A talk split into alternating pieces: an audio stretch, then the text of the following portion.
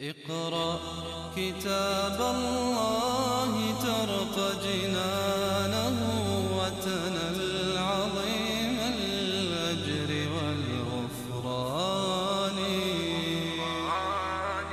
رتله روي القلب من نفحاته كالماء يروي لهفة العطشان قال الله سبحانه وتعالى وقد خلت النذر من بين يديه ومن خلفه.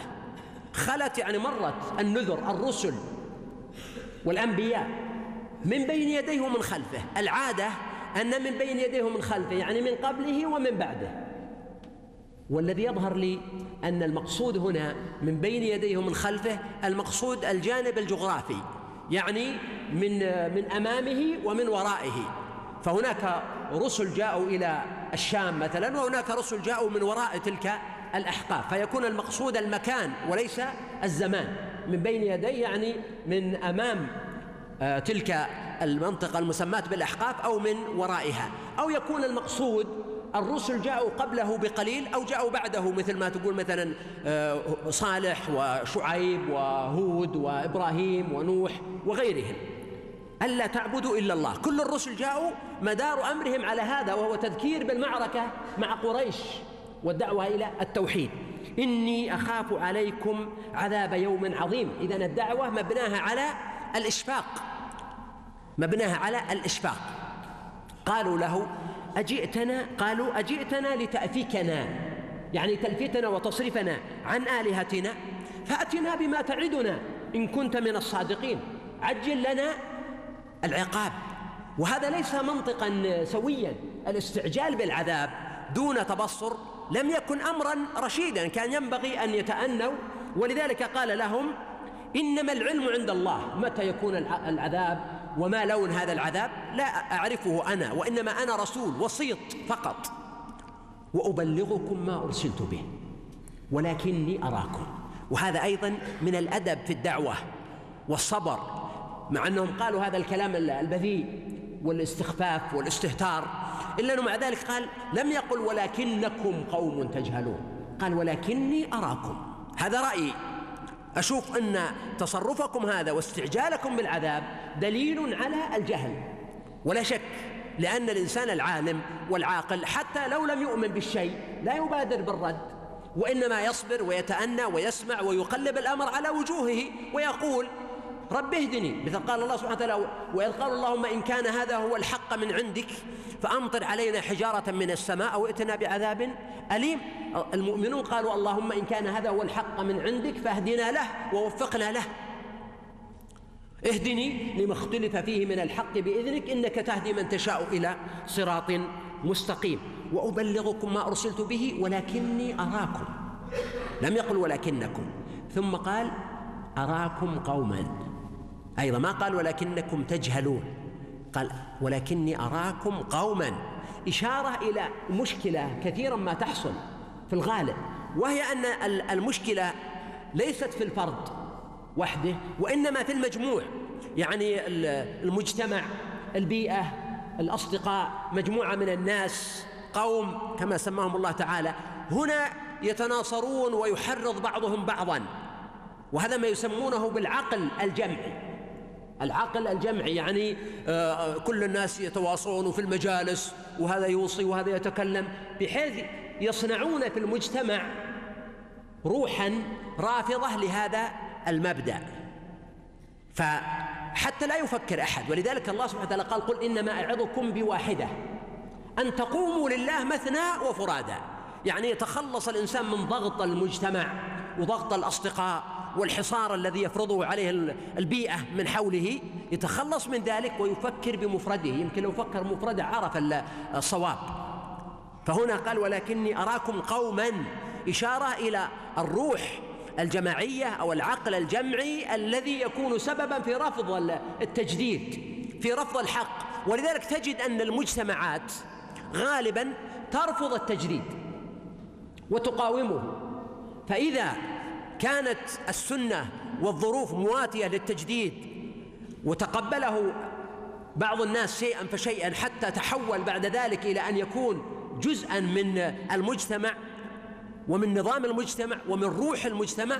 أصبح الناس يتعصبون لهذا التجديد الذي كانوا يرفضونه بالأمس. اليوم أصبحوا يتعصبون له وربما يرفضون تجديدا آخر يأتيهم. هذه طبيعة في الناس. ولذلك قال أراكم قوما تجهلون. قال الله سبحانه وتعالى فلما رأوه عارضا مستقبل أوديتهم. سحاب.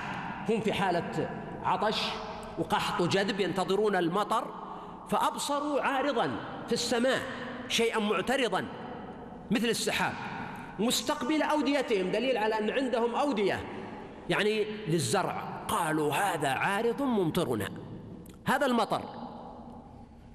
قال الله عز وجل بل هو ما استعجلتم به. وقد يكون هذا من قول هود أو من قول بعض العقلاء وأصحاب الخبرة ليعرفون أن هذا مو منظر سحاب ولا لون السحاب هو شيء آخر. الله سبحانه وتعالى قال بل هو ما استعجلتم به العذاب الذي تقولون فأتنا بما تعدنا. ريح إذن هي ريح وكأنها ريح رملية هناك عواصف رملية. شديدة لأن المنطقة رملية. وهذه المنطقة هذه العواصف يبدو أنها أخذت أكوام هائلة. وأيضا موجود في الإنترنت صور للعواصف الرملية حبذا أن تشاهدوها. فهي صور مرعبة ومخيفة جدا. تصنع شيئا مثل السحاب فوق الناس ولكنه من الرمل الذي تحمله الريح. بل هو ما استعجلتم به ريح فيها عذاب أليم تدمر كل شيء بأمر ربها تدمر كل شيء.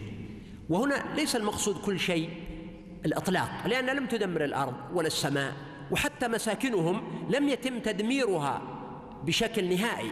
لأنه تعالى قال فأصبحوا لا يرى إلا مساكنهم. وإنما المقصود تدمر كثيرا من الأشياء وخاصة البشر الذين هم محل التدمير.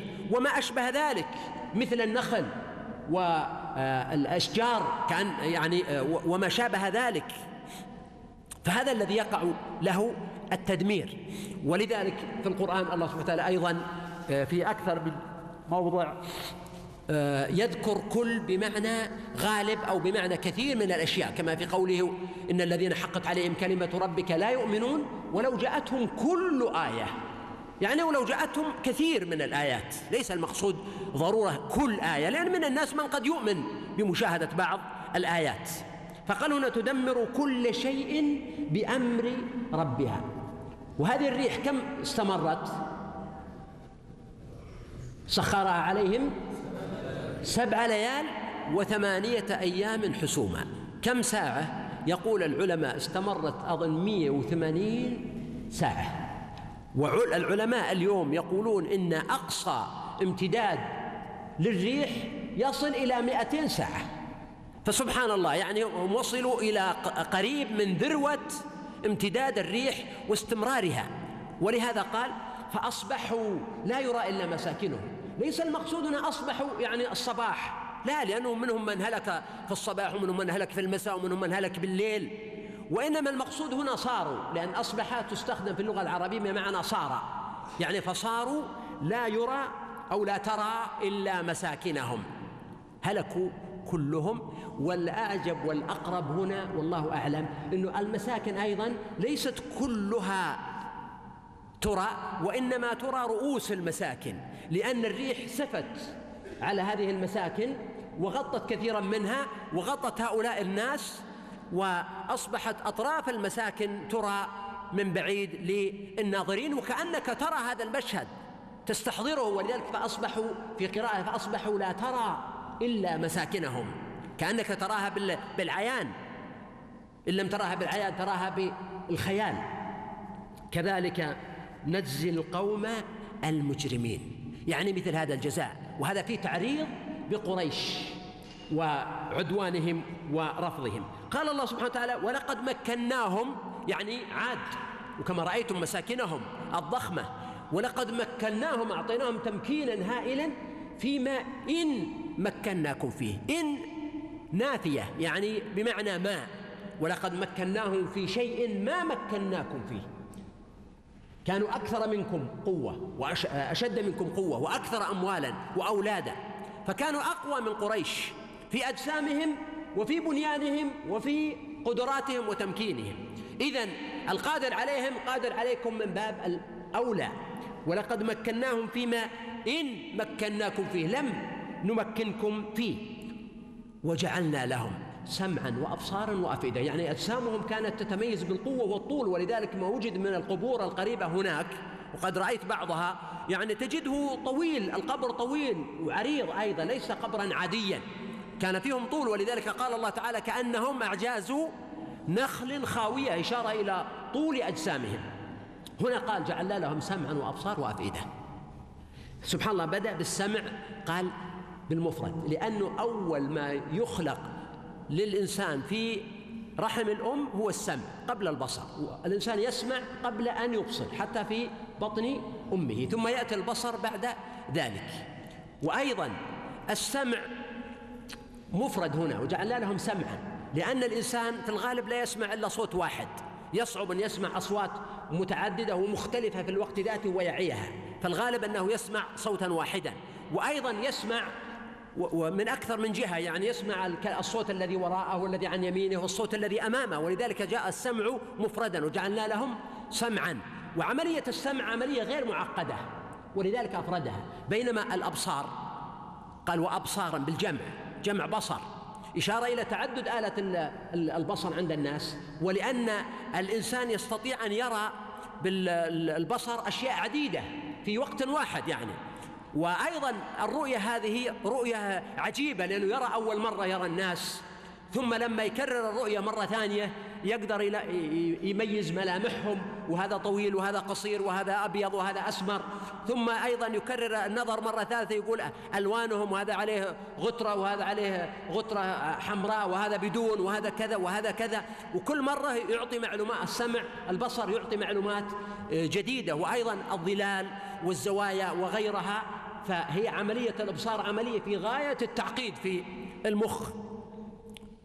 ولذلك عبر عنها بالجمع. زد على ذلك أنه السمع يفقده الإنسان آه، البصر يفقده الإنسان قبل السمع. مثل عندما يموت أو عندما ينام تلقى الواحد مثلا لما ينام تغمض عينه لكن الصوت لو يسمع واحد يكلمه يفز ولا لا يصحي. وكذلك أصحاب الكهف ذكر الله تعالى هذا الكلام هذا المعنى. إذا هنا السمع بدأ به لهذه الاعتبارات وأفرده وثنى بالبصر وجمعه قال وأبصارا. زد على ذلك أنه السمع من الأعضاء التي لا يستطيع الإنسان أن يوقف السمع فيها إلا إذا وضع في أذنيه شيئا. أما البصر فإن الإنسان يستطيع أن يغمض أذنيه فلا يرى ما أمامه. وأفئدة والأفئدة جمع فؤاد وهو القلب أو العقل أو جزء من مهمة المخ. وبالذات ما يتعلق بالعواطف والمشاعر والأحاسيس والذكريات. كان هذه مرتبطة بالفؤاد وأصبح فؤاد أم موسى فارغة. إن كادت لتبدي به لولا أن ربطنا على قلبها. وقد يطلق على القلب كله والعقل يطلق عليه الفؤاد. وهنا قال وأفئدة فما أغنى عنهم يعني هؤلاء الناس الذين جعل الله تعالى لهم ذلك ومكنهم منه وأعطاهم أكثر من غيرهم مع ذلك لم يغني ذلك عنهم من شيء إذ كانوا يجحدون بآيات الله وحاق بهم ما كانوا به يستهزئون حاق بهم أي نزل بهم وأحاط بهم الأمر الذي كانوا يستهزئون به. فهذه قصة عاد وفيها عبرة وفيها تذكير لقريش ولذلك الله سبحانه وتعالى قال ولقد أهلكنا ما حولكم من القرى عقب على ذلك بالخطاب لقريش أنه نحن أهلكنا ما حولكم من القرى مثل ما قال النذر من بين يديه ومن خلفه وقلنا أن هذا كأنه يتعلق بالمكان وليس بالزمان. كذلك هنا ما حولكم يعني في الأمكنة. فمن جنوبكم يا أهل مكة أهلك الله تعالى الأحقاف وهي منطقة في اليمن. ومن شمالكم يا أهل مكة أهلك الله تعالى قرى الشام مثل قرى سدوم وقوم لوط وغيرها وهي أيضا بالشام. وسبحان الله التاريخ يعيد نفسه. نحن نرى اليوم حريقا في اليمن. ونرى حريقا آخر وين؟ في الشام. والقرآن يقول لنا ولقد أهلكنا ما حولكم من القرى وصرفنا الآيات لعلهم يرجعون. دعوة إلى المراجعة دعوة إلى التصحيح وأنه ليس أحد من البشر بينه وبين الله تعالى نسب ولا سبب وسنة الله تعالى تمضي على الجميع إلا من استطاع ووفقه الله أن يستدرك وأن يصحح وأن يصلح وأن يحاول إزالة أسباب وعوامل الهلاك التي ذكرها الله عز وجل فهذا هو الذي يكون بمنجاة فالآية هنا ماضية ولقد أهلكنا ما حولكم من القرى وصرفنا الآيات. التصريف هنا تصريف الآيات أحيانا يكون بالتهديد بالعذاب وأحيانا يكون بالتهديد بعذاب الدنيا أو عذاب الآخرة وأحيانا يكون بالتذكير بالله سبحانه وتعالى وأحيانا يكون التذكير بالنعم وأحيانا بنزول بعض ألوان العذاب ولنذيقنهم من العذاب الأدنى دون العذاب الأكبر لعلهم يرجعون فتكون بعض النوازل التي تقع للمجتمعات من مصائب مفردة ومتفرقة. هنا وهنا وهنا يكون فيها دعوة للناس إلى أن يستيقظوا ويتداركوا قبل أن ينزل عليهم العذاب العام الطام الذي لا يمكن استدراكه. فلولا نصرهم هل نصرهم؟ هل نصرهم الذين اتخذوهم من دون الله قربانا آلهة؟ هل نصروهم؟ لولا نصروهم يعني لماذا لم ينصروهم؟ هم لم ينصروهم. وقفوا موقف المتفرج وهذا دليل على أنهم لا ينفعون ولا يضرون. قال الله عز وجل بل ضلوا عنهم تركوهم وأهملوهم. كمثل الشيطان إذ قال للإنسان اكفر فلما كفر قال إني بريء منك. وربما نجد مثالا لهذا أن كثيرا من الدول التي كانت تظلم شعوبها معتمدة على دعم من الغرب وعلى تقنية للتعذيب والتصنت وظلم الشعوب واضطهادها من الغرب مثل ما كان وجد أن هناك أجهزة من فرنسا كانت في طريقها إلى تونس قبل أن يجري لها ما جرى ووقعت الواقعة ورجعت هذه الأجهزة من حيث أتت. فهؤلاء الناس هم يبحثون عن مصالحهم ولذلك سرعان ما يتخلون عن صديقهم إذا وجدوا أن أنه لا يخدمهم. أو أن مصلحتهم مع غيره. ولهذا هنا قال بل ضلوا عنهم. كمثل الشيطان إذ قال للكفر فلما كفر قال إني بريء منك. وذلك إفكهم وما كانوا يفترون. يعني ذلك الصدود والإهمال هو الإفك لأنهم كانوا يقولون قولا ليس صوابا في شأن هؤلاء أو في شأن هذه الأصنام. ويفترون ما لا حقيقة له هنا اقرأ كتاب الله ترق جنانه